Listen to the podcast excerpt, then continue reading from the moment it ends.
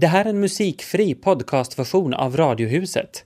Pratradio på svenska, var du vill, när du vill.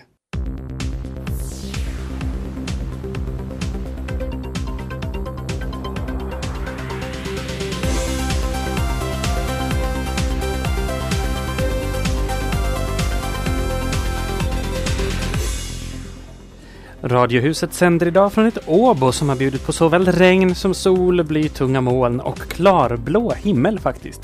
Och eftersom vi befinner oss i Åbo för, för sista gången för i år ska vi göra en slutsummering av Kulturhuvudstadsåret. Det kan väl vara på sin plats. Radiohuset tisdag från Åbo med Tina Grönros och Tobias Larsson. Välkomna med!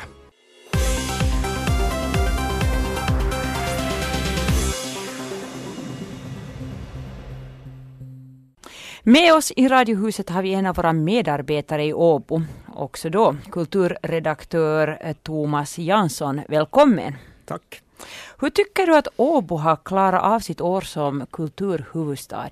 Nå, faktiskt bättre än väntat skulle jag säga. Jag var rätt skeptisk inför av många olika orsaker. Åbo var ju känt som eh, stan med en av Finlands mest kulturfientliga kultur politiker. Så det där, och i och för sig var jag överraskad att Åbo överhuvudtaget fick året. Jag hade räknat med Tammerfors faktiskt. Men det där.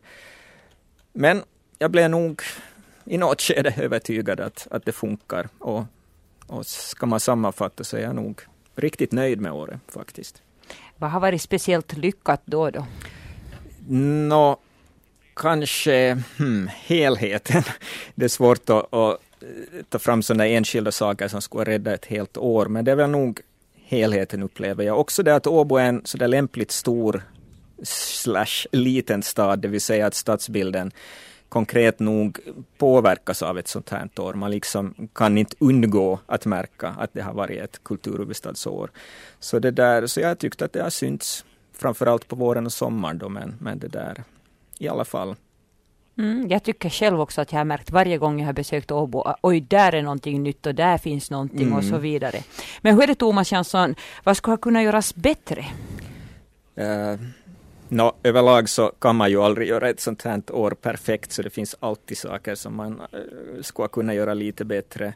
Um, det är nu inget speciellt som jag har fastnat för här faktiskt. Okej, okay, man kunde ha engagerat lokala konstnärer i ett lite mer än vad man har gjort, men samtidigt var ju idén att, att det skulle handla om utomstående initiativ som, som den här 2011-organisationen sen skulle koordinera.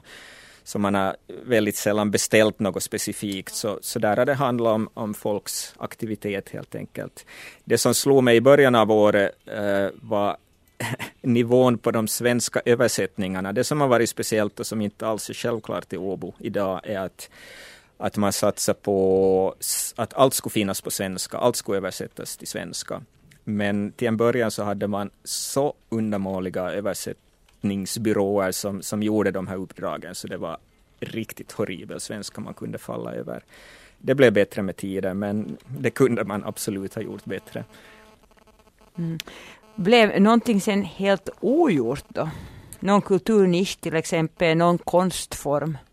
No, jag hade kanske väntat mer av rockfältet. Som, som det där rockdiggare så, så hade jag hoppats. Åbo har inte riktigt varit eh, så jättebra som, som konsertställe under, under vårar och höstar, så det hade jag hoppats mer av.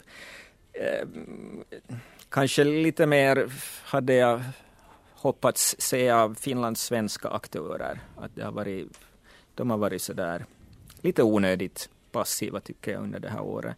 Men sådär genremässigt annars så, så är det nog ingenting jag, jag, jag har saknat sådär överlag. Mm, som kulturredaktör så har du tagit emot allt med välbehag. Mer eller mindre. Hur tycker du att publiken har tagit emot kulturutbudet i Åbo? No, jättebra. Nu har jag inte sett de här sista publiksiffrorna, men, men, men jag vet att det har varit mycket folk. Och, och redan när invigningen lockade, vad var det nu, 60 000 människor utomhus i 20 graders kyla i mitten av januari. Så, så redan då för mig personligen så kändes det att, att Åboborna faktiskt vill det här året och är också beredda att sätta sig själva lite på spel, för det, det gjorde man nog om man stod 40, 50, 60 minuter i 20 graders kyla och följde med i det där invigningsprogrammet. Så det har funkat bra tycker jag. Mm. Det kommer jag ihåg också, men har, har Åboborna faktiskt hittat evenemangen sen också senare under året? Um, no, I alla fall Ah, tycker jag inte det har sett sådär pinsamt tomt ut. Uh, nu har jag naturligtvis inte varit på allt, inte ens närmelsevis, för det har varit så många programpunkter. Så det där, så jag har nu ingen sån här egenhandsinformation om, om, om det. Men så där överlag tycker jag att, att, att feelingen har varit nog att det har varit mycket folk. Mm. Nå, vad är det Thomas som har gjort mest intryck på dig?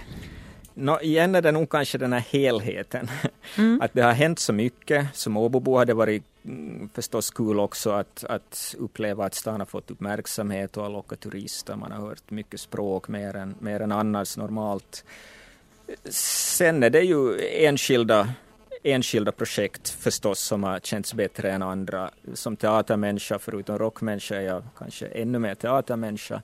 Det har varit fint att se att, jag har sagt tidigare att, att Åbo eh, tidvis har blivit kultur, vad heter det, teaterhuvudstad i Finland och det är väldigt ovanligt att, att så mycket människor från Helsingfors har lockats till Åbo för att se på teater. Det är inte så vanligt. Eh, sommar var ju jättefin, det här att saker bara hände. Jag gillar också att bli överraskad, så, så det var ofta som jag kunde ramla in i saker som, som plötsligt bara hände på stan. Alltså helt spontana eh, performanser menar du? Nu var det väl sånt också, men, men också sånt som, som nog var helt officiellt, men som jag inte hade någon aning om och som hände på stan. Kanske då ännu mer sånt, att sådana där lite mindre grejer som, som jag inte hade någon aning om och så går jag på, på gatan och plötsligt är jag mitt i ett konstverk verk. Vad skulle du säga att, att kulturhuvudstadsåret har gett Åbo och Åboborna? Du sa ju att, att du tyckte ju att Åbo överhuvudtaget var så hemskt kulturvälvilligt inställd stad från början. No, det är ju det jag någonstans hoppas att, att att det i attitydformen skulle ha, skulle ha påverkat folk. Eh, dels det här att nu har man ju sett att så här kan det göras, så här mycket kan hända och så här roliga saker kan vi få vara med om. Jag hoppas att, att folk Mm, tycker att det är viktigt, ännu viktigare än tidigare och då också att det indirekt skulle påverka kultur, eh, vad heter det, kommunalpolitikerna.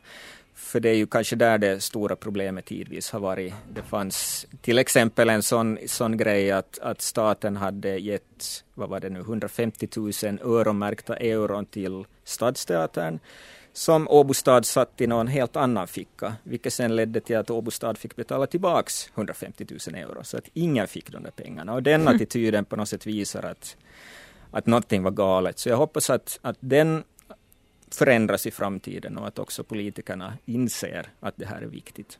Menar du då att det är fast vid kommunalpolitiker nu att det är deras uppgift att hålla liv i kulturen i Åbo år 2012 eller finns det annat också som du tycker att, att man borde tänka på? No, det är ju ja och nej det här. Klart att mycket hänger på, på vanliga människor och jag, jag vet att det redan diskuteras i, i många sammanhang, både bland kulturkonstnärer och annat kulturfolk, att vad kan vi lära oss av det här, vad kan vi göra nästa år, på vilket sätt kan vi kan vi få den här medvinden att fortsätta, så naturligtvis krävs det mycket av det folket också. Men det är ju ändå stan som på något sätt sätter ramarna för vad som kan göras, vad som får göras och framförallt den här attityden att om man mm, på kommunalt håll tycker att det här inte är viktigt så, så påverkar det andra människor också. Det är ju självklart. Ja, ännu återstår det några veckor och sedan så ger man bollen vidare till nästa huvudstad eller nästa stad eller städer. Och i början av nästa år så blir det ett längre program i Radio Vega där då kulturredaktör Thomas Jansson blickar tillbaka på kulturhuvudstadsåret i Åbo. Tack för att du besökte Radiohuset Thomas Jansson. Tack själv.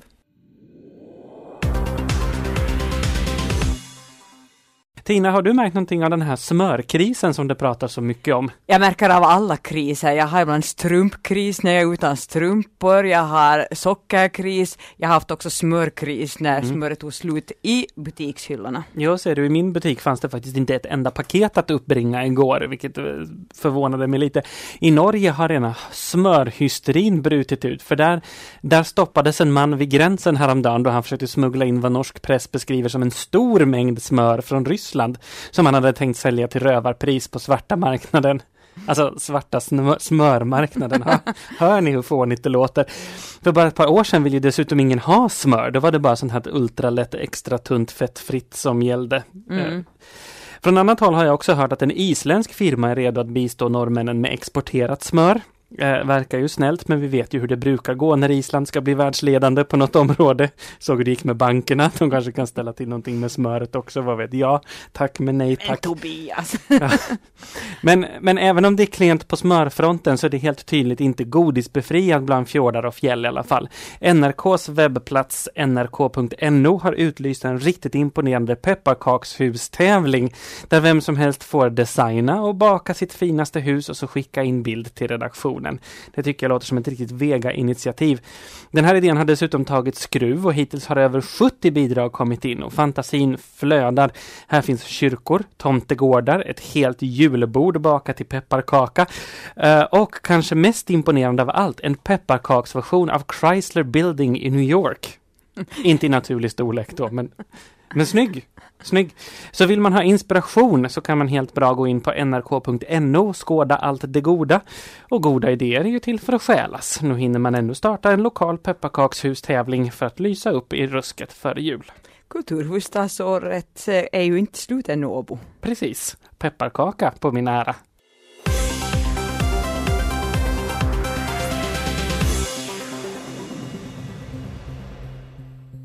Och nu ska det handla om frivillig arbete och ungdomsverksamhet. Välkommen till Radiohuset Olivia Frank. Tack, tack.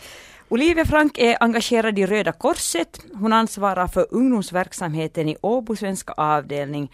Jag kan berätta att Olivia har vuxit upp i Stockholm men bor sedan drygt två år i Åbo. När blev du egentligen medlem i Röda Korset? Första gången jag blev medlem var när jag var liten i en Röda Korsgrupp, eller en Ready Kids-grupp i Stockholm. Uh, och det handlar mer då om första hjälpen och om olika principer och sånt där som Röda Korset har. Och sen blev jag medlem igen när jag flyttade hit till Finland för två år sedan, så 2009. Uh, med första hjälpen-gruppen då också. Varför blev det just Röda Korset redan då när du var barn och, och varför har du fortsatt med det nu igen i Åbo? Ehm, jag tror det var mina föräldrar som valde när jag var liten, men det passar mig väldigt bra för det, de inkluderade både lite teater och första hjälpen och vi fick träffa en massa människor som man ser på gatorna, till exempel sådana som har en uh, synskada eller hörskada, men som man aldrig pratar med och aldrig får fråga saker. Och då bjöd de in dem och vi fick träffa dem och det, det var verkligen bra tyckte jag att få ställa frågor och få veta personen bakom och lite sådär hur det funkar. Så därför har jag nog stannat i den på grund av det. Precis det. Eh, men nu är det ju vissa skillnader kanske mellan Röda korsverksamheten i Finland och Sverige. Vilka skillnader är det då? Jag har märkt här i Finland att Röda Korset är, det är känt i båda länderna, men här i Finland så är det mer känt kan jag tycka. Den är så stor och den kanske är en väldigt specifik. I Stockholm till exempel finns det massa organisationer. Det finns Amnesty och Plan och det finns Rädda Barnen. Men här i Finland så är Röda Korset så stort. Så alla vet om det och många kommer och frågar om det är hungerdagarna och folk vet vad som kommer hända. Eh, så jag tror att det är större på det sättet bland vanliga människor här i Finland. Mm, vi är kanske mer synliga här. Ja. Mm. Men i Sverige är de unga mer engagerade ändå än ungdomarna här. Och jag funderar lite på att hur ska man kunna aktivera våra ungdomar just i frivilligverksamhet? Vad har du för tankar? Jag tycker att problemet är att man inte går ut och försöker mer locka ungdomar och säga att vi vill ha er med. Uh, jag tror att det handlar mycket om att man har en fast, um, ja men det man gör är alltid samma sak och man får liksom inte det här att ungdomar kan vara med och förändra eller vara med och påverka och jag tror att det är väldigt viktigt att få fram och just att det spelar ingen roll om du är 15 eller 25 eller 85, alla är välkomna i Röda Korset. Men att man tar dem med och visar att vi vill verkligen ha i det här. Uh, och det tror jag skulle vara en stor fördel att börja göra. Mm. Du är ju faktiskt då eh, ansvar för ungdomsverksamheten i Åbo i den svenska avdelningen. Vad har du för planer för att nu få med de unga i Åbo? Först och främst så i nästa år har ju Finlands Röda Kors bestämt att det är ungdomarnas år. Så det tycker jag är väldigt kul att vi faktiskt får en, ett helt år då det ska fokuseras på oss. Um, vi har lite olika planer faktiskt. Det som jag har startat redan nu är en studerandegrupp här i Åbo som består av både elever från Katedralskolan, Novia och Åbo Akademi. Och de tillsammans kommer vara med på olika projekt, en vändagen, Vecka mot rasism och sånt där. Men vi har även uh, försökt uh, starta en Ready Kids-grupp. Det är för de yngre som vi då vill ha ungdomsledare till. Så det är lite både och. Um, vad gör man i Ready Kids? Du sa att första hjälp lärde du dig som, som barn när du var med i Ready Kids, men vad annat kan man göra där? Eh, det handlar lite om att lära ut de, de sju principerna och lite vad det går ut på och sen just att få barn att diskutera och faktiskt få veta att de, de kan ha åsikter, de får vara med och de får träffa människor och sen också det här att ja, men lära om multikulturalitet och om andra länder och lite sånt där. Och just om Röda Korsets verksamhet. Det finns ju allt, att de kan åka på olika läger ute i världen till slut och de kan åka på läger, på sommarläger med Röda Korset och sånt där också. Eh, så det är väl lite syftet, att de ska få uppleva någonting annat. Jag tycker att det har blivit lite för mycket prestationsinriktat i vårt samhälle och jag tycker att idrotter är väldigt att du ska vara bäst. Och man vill vara bäst i sin grupp och man vill vara bäst i sin klass i skolan och sånt där. Och då tror jag att Röda Korset, ungefär precis som scouterna, har en mer annan inriktning där man mer får vara med för att man är sig själv. Och det ska mer vara konstruerat på att vara roligt och sådär. Än att du måste inte uppnå någonting. Mm. Jag kommer ihåg för ungefär ett år sedan så, så då var Röda Korset också med i det men också många andra ganska stora organisationer här i, i Finland och vädjat till undervisningsministern om att eh, frivilligverksamhet borde tas med i läroplan i skolor så att våra ungdomar skulle lära sig mer vad det här frivillig verksamhet går ut på. Eh, jag höjde på ögonbrynen men höjer du på ögonbrynen när du hör sånt? Jag tycker det är en jättebra idé. Mm. Jag tycker det är att man ska börja tidigt med att folk kan påverka, även barn kan påverka. Och här i Åbo har de faktiskt varit väldigt duktiga och just på hungerdagen runt om i Finland så är barn med och går och samlar in pengar eller har olika projekt i skolorna. Men jag tycker det är viktigt att man ska få fram att man kan göra en skillnad och världen är så liten idag. Det händer problem kanske, säg Somalia, men det påverkar även folk här i Finland. Och vi kan även påverka det där, så jag tycker det är viktigt att börja tidigt att du kan påverka. Mm. Vad gör du själv som Röda Kors-volontär då? Oj, jag gör mycket. eh, dels är jag då ansvarig för ungdomsverksamheten och barnverksamheten i Åbo svenska avdelning. Och då sysslar jag som sagt med att starta de här olika Redikits-grupperna. Jag försöker vara en mer informationskanal lite grann för de ungdomarna som kontaktar mig och säger att vad kan jag göra? För det är den vanligaste frågan. Jag vill, men jag vet inte. Och just då med att det finns olika grupper, det finns olika projekt, olika utbildningar man kan gå. Uh, sen håller vi nu på att starta ett projekt som heter På flykt, som vi har tagit från uh, norska Röda Korset, som då är ett 24 timmars rollspel, där man får uppleva hur det är att vara flykting, på ett komprimerat sätt såklart, och då olika sekvenser som de måste gå igenom och sånt där. Som vi nu ska hålla i april i Pargas. Uh, och det ska också bli väldigt intressant. Men det håller på utveckling. Uh, vad gör jag mer? Jag är med i Röda Kors, uh, Första hjälpen ska jag säga. Och ja. Ja, nu räcker det ju det där. Räcker, ja. Jag tänkte, kommer det mer ännu? Ja, det kommer mer, men jag behöver inte ta allt. men det är väl det. Mm. Men julen står ju för dörren. Vad betyder det för Röda Korsets volontärer? Jag tror att det betyder mycket, speciellt eftersom vi är en organisation som vill nå ut till de som har det svårast. Och det är många familjer som har det jobbigt under jul just för att de kanske inte har pengar till mat och deras barn går i skolan och säger att ja, men, min kompis får det här, de ska ha julskinka, varför får inte vi det? Uh, och att då på, kunna komma ut och ge ut, vi har ju sådana här olika projekt som handlar just om att bemöta de här uh, mindre bemedlade människorna. Um, vi har ett projekt som en ung tjej i min studerandegrupp har ordnat, vilket är att samla in olika leksaker och sånt där, som ska gå till flyktingcentralen. Så de ska dit uh, på måndag faktiskt och dela ut julklappar till de barnen. Och just olika projekt, bara för att se de som kanske inte annars har någon annan att vara med eller just har inte mat eller pengar till mat och sånt där. Mm. Att... Och Röda Korsverksamheten går alltså ut på att hjälpa folk både nära och också längre bort. Och du hade Olivia Frank ett så bra uh, ordsteg från Kenya. Just det, ja, det var det. Som du berättar här medan musiken spelar. Precis, i Kenya har de ett ordspråk som heter att giraffen ser aldrig sin egen hals. Och det betyder att man ser gärna alla andras problem utomlands och man kan påpeka att det är så här och si i Afrika eller mm. andra länder, men man ser inte sina egna problem. Och jag tycker det är viktigt att inse att vi även Finland har mycket att arbeta med. Mm. Och där är Röda Korset bra, för de jobbar både här och utomlands. Tack ska du ha Olivia Frank. Tack, tack. Vad för slags jul önskar sig människor mest av allt? Jo, en gammal jul. Allra helst ska det mesta vara så här duktigt marinerat i århundraden av oförändrade traditioner. Det ska vara snö och tomtar och allt ska vara som på mormors mormors mormors tid helst, om man bara får välja själv.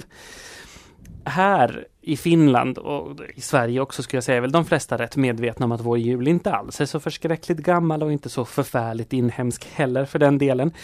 Lika uppenbart är det tydligen inte överallt. Idag släpper våra danska kollegor på DR bomben. Julen är odansk, hojtar de ut. Ja, och då blir jag ju lätt förvånad. Det är alltså en nyhet idag. Mm -hmm. Det kanske doftar nyhetstorka med våra ögon mm. sett så. Men, men alltså det ligger en hel del politik bakom gissar jag och när man läser längre i den här artikeln så inser man att jo då, det finns politik i botten här. Danmark är ju kanske inte där, känt som det allra mest öppna landet när det gäller att omfamna kulturella idéer utifrån. Inte just nu i alla fall. Eh, frågan, och frågan om den här renodlade danska julen och kulturen har, det har bland annat varit en fråga för Dansk Folkeparti, alltså deras Sannfinländare eller vad man ska kalla dem. Mm. Eh, för ett par år sedan skrev ledaren Pia Kjaersgaard en rödglödgat ilsken artikel efter att ett företag i sin annonsering utmanat tanken på en traditionell jul. hon blev alltså helt skogstokig för att prata ren svenska och, och, och hävdade att det här var ett hot mot Danmark och den danska kulturen, att man, att man gjorde sånt här. Nu påpekar deras redaktörer att det skandinaviska julfirandet till största, till största delen härstammar från Tyskland och att danskarna sedan plockat ihop element från både höger och vänster, främst från England och Sverige. Och som vanligt så står jag där med en sån här obehaglig känsla i magtrakten när någon tar en sak som borde vara, för det tycker jag att julen borde vara, den borde vara trevlig, glad, gemytlig, varm, omfamnande, gälla för alla. Eh, och så försöker man förvandla den till en sån här iskall propaganda för att alla människor ska vara likadana, se likadana ut, göra samma saker och de som inte passar in i det ska lämnas ut i vinterkylan. Nej, burr säger jag. Är det på sådana premisser den ska firas så får julen vara. Jag säger bara wow. Ja, så skrev jag igår på min Fejan-sida, Facebook alltså, efter att ha tagit del av en insändare som jag härmed utan omsvep utnämner till årets insändare i finlandssvensk press. Tack Husis för att ni hade den goda smaken att publicera inlägget. För de flesta insändarna blir ju aldrig tryckta på grund av utrymmesbrist. Men den här insändaren var verkligen värd sin vikt i trycksvärta. Insändarskribenten är 13 år gammal enligt Blaskan och min första tanke är att Tryckfelsnisse har sitt finger med i spelet. Inte kan väl en 13-åring skriva en så mogen text? Men det är såklart bara en medelålders mans första avundsjuka reaktion när han inser hur lite han sist och slutligen vet om klassisk litteratur. För den här insändaren handlar just om det, litteraturens undergörande verkan med betoning på klassisk litteratur. Den unga insändarskribenten berättar att hon nyligen har flyttat till sin fars hemland för att gå i skola där, närmare bestämt i Sankt Petersburg i vårt östra grannland. Hon har då privilegiet att få studera litteratur i landet som gav oss bland andra Fjodor Dostojevskij och Alexander Pushkin. Ni ska inte låta er duperas av mitt namndroppande. Jag vet knappt något om de här stora ryska författarna utom deras namn lika lite som jag och de flesta andra i vårt land har en susning om litterär kanon här hemma eller utomlands. Och det är just det som insändaren långt handlar om.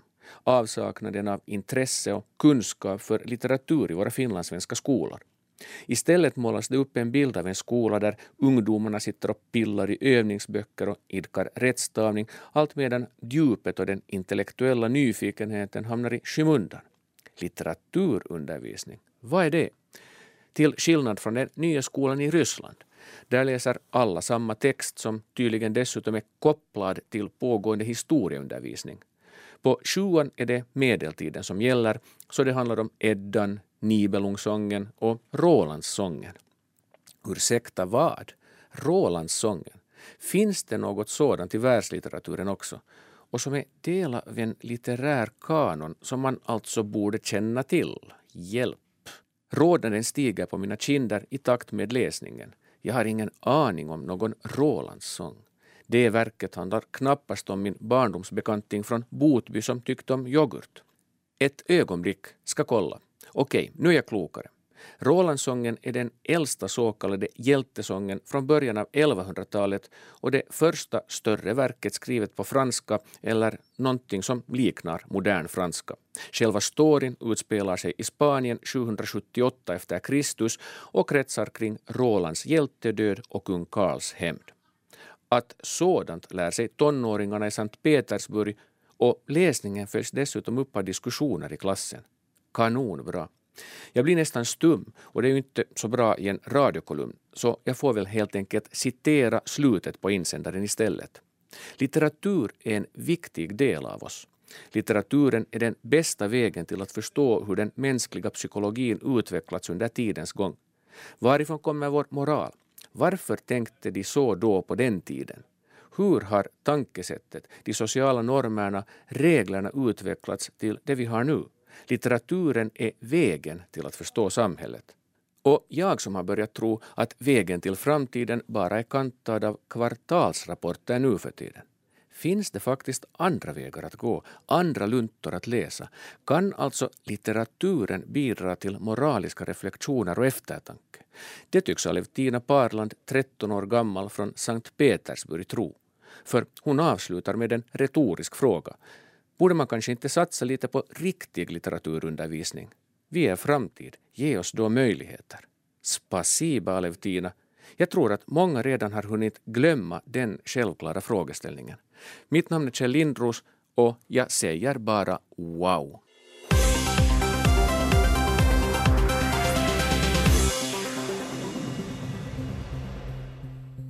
Christer Lindholm från Handelshögskolan vid Åbo Akademi, välkommen till Radiohuset. Tack. Gällande den nuvarande eurokrisen som vi ju har tagit upp ganska många gånger i Radiohuset redan. Du som forskare, hur allvarlig är den nuvarande krisen i ett historiskt perspektiv? Nå, hur allvarlig den blir så återstår ännu att se för att vi har ju ingalunda sett slutet på den ännu. Men det som i alla fall är klart att den här krisen är helt unik för att någonting sånt som det här euroområdet har aldrig funnits tidigare. Vi har aldrig haft så många länder som haft en, infört en gemensam valuta och nu står vi då inför en kris som i värsta fall kan leda till att det här samarbetet kollapsar. Om man jämför den med exempelvis den klassiska börskraschen 1929, hur lika olika är de här kriserna? Nå, börskraschen 1929 så var ju på det sättet mera klassiskt att vi först hade då en period av hejdlös optimism där det här börskurserna bara steg och steg och, och många ekonomer till och med trodde att det skulle bli så här för alltid. Och sen då gick luften ur den här bubblan. Den här krisen är, är lite märklig så tillvida att det har ju egentligen inte kommit hem, fram något väldigt mycket ny information som skulle kunna förklara den här panikreaktionen på finansmarknaderna. Jag menar, det som triggade den här krisen var, var ju det att det kom fram för ungefär ett och ett halvt år sedan att Grekland hade ägnat sig åt kreativ bokföring för att få sina statsfinanser att se bättre ut. Men att i övrigt om vi ser på de andra länderna, Italien, Spanien, Portugal, de har okej, okay, i synnerhet Italien med sin stora statsskuld, så jag menar där är ingenting egentligen som har förändrats radikalt under den tid Italien har varit med i eurosamarbete. Och ändå betraktar man nu då mitt i allt sedan Italien som ett krisland. Men hur känns det som forskare att följa med utvecklingen nu? Man kan väl säga att det med blandade känslor det är samtidigt både skrämmande och fascinerande. Skrämmande därför att man inte vet ännu hur illa det kommer att gå för den europeiska ekonomin och fascinerande därför att det, det handlar om, som sagt om en helt unik situation som vi inte har sett något motsvarande exempel på tidigare. Hur väl har de etablerade ekonomiska teorierna som du gissningsvis arbetar utifrån, hur väl har de hållit? Nå, no, inte Sådär särskilt väl. Okej, okay, det finns nationalekonomer som, som redan i ett mycket tidigt skede varnar för att varna för det att, att det här eurosamarbetet inte står på särskilt hållbar grund. Men att ska vi om vi nu tar en av de här huvudteserna inom ekonomisk teori att, att alla ekonomiska aktörer och framförallt de på finansmarknaden är rationella. Det vill säga att när de får ny information så kan de dra de rätta slutsatserna av det här. Så det är åtminstone ett antagande man kan ifrågasätta här. För att som jag just sa så är det hemskt mycket ny information som skulle förklara den här krisen hade faktiskt inte kommit. Vad har förvånat dig här i krisen? Det som har förvånat mig är den här benägenheten både hos finansmarknadens aktörer, hos många politiker, hos kommissionens tjänstemän att dra alla de här kri äh, krisländerna över en och samma kam och koka ner det hela till ett problem av slapp hushållning med de offentliga finanserna. Det här trots att det finns väldigt stora skillnader länder, mellan de här krisländerna. Det andra är den här övertron på att man faktiskt kan spara sig ur den här krisen som nu senast kom fram här i det här avgörande toppmötet förra veckan. För att det här, det finns ju nog så vitt jag känner till inte ett enda exempel på att man skulle kunna ta sig ur en så här svår kris enbart genom att spara och skära ner i offentliga utgifter. Tvärtom så finns det ju en, en väldigt stor risk för att, att det här bara gör situationen värre. Att man skulle kunna säga att hanteringen av den här krisen lite påminner om läkekonsten på medeltiden. Att vad som problemen är så rekommenderar man alltid åderlåtning. Om patienten råkar dö så ta flack. Vad borde man göra då istället för att åderlåta eller spara i det här fallet? Nå, det mest effektiva nu så här på kort sikt skulle dels vara det att Europeiska centralbanken skulle ägna sig åt stödköp av de här krisländernas obligationer ännu mer än man hittills har gjort i syfte att få ner räntorna. En annan sak är det att man borde se över tidtabellen för de här anpassningsåtgärderna man nu har ålagt de här krisländerna. Det vill säga det är klart, de måste vidta åtgärder för att få sina statsfinanser i skick. Men att går man fram så här hårt som, som man nu håller på att göra så då som vi redan har sett i Grekland kan det här leda till det att ekonomin hamnar i fritt fall och, och då motverkar ju de här sparåtgärderna sitt syfte. Hur går man vidare i den ekonomiska forskningen i en sån turbulent tid som vi lever i nu? No, man kan väl nog säga att det här egentligen är, är så här som man brukar kalla ett paradigmskifte. För att som sagt, så här händelser har vi aldrig sett maken till tidigare. Och, och det, här. det är inte så alldeles lätt heller att förklara det som just nu händer utgående från det som hittills har varit de här rådande och förhärskande ekonomiska teorierna. Och, och framförallt så tror jag att man kommer att så småningom börja omvärdera ganska många sådana gamla sanningar gäller, gällande det att, att hur hela vårt internationella finanssystem ska byggas upp. Media, det vill säga vi, radio, tv, tidningar, vi har kritiserats för att anlita experter under de här omständigheterna från den finansiella sektorn och bankväsendet. Eh, man kan ifrågasätta deras opartiskhet, menas det. De är del i målet. Hur ser du på den saken? Det beror lite på vilka frågor det handlar om till exempel när det var frågan om, om det att om de här stödpaketen att krisländerna behövdes överhuvudtaget så där kan man väl nog säga att, att bankerna och deras representanter var ganska partiska eftersom de hade ju ett uppenbart intresse i det att, att det här de här krisländerna skulle räddas så att inte då bankerna skulle åka på alltför stora kreditförluster. När det sedan där gäller mot när det sedan däremot gäller frågor som till exempel det att, att vad skulle det innebära för enskilda länder om Grekland skulle gå ur euron eller om hela eurosamarbetet skulle kollapsa. Så där kan man ju nog betrakta bankerna som, som helt objektiva källor för att det ligger ju i deras eget ekonomiska intresse att, att få en så korrekt bild av den situationen och de här scenarierna som möjligt. I en sån här turbulent tid är det ju dessutom svårt att veta vem som är opartisk och vem som är inblandad. Så hur opartisk är då den ekonomiska forskningen? Nå igen så beror det ju förstås lite på att var den här ekonomiska forskningen bedrivs. Att ska vi säga olika sådana forskningsinstitut så har ju allmänhet sin egen anknytning, antingen till exempel till löntagarna eller till arbetsgivarsidan och det kan i någon mån påverka åtminstone den här vinklingen om, om inte nu direkt själva resultaten. Men ska du se vad den akademiska forskningen beträffar så, så får man väl i alla fall säga att vi akademiska nationalekonomer inte har några egna intressen på spel här. Så att åtminstone i det avseendet kan man väl nog betrakta oss som objektiva. Det finns säkert all anledning att återkomma i det här ämnet. Tack så hemskt mycket Christer Lindholm från Handelshögskolan vid Åbo Akademi för att du kom till Radiohuset idag. Tack.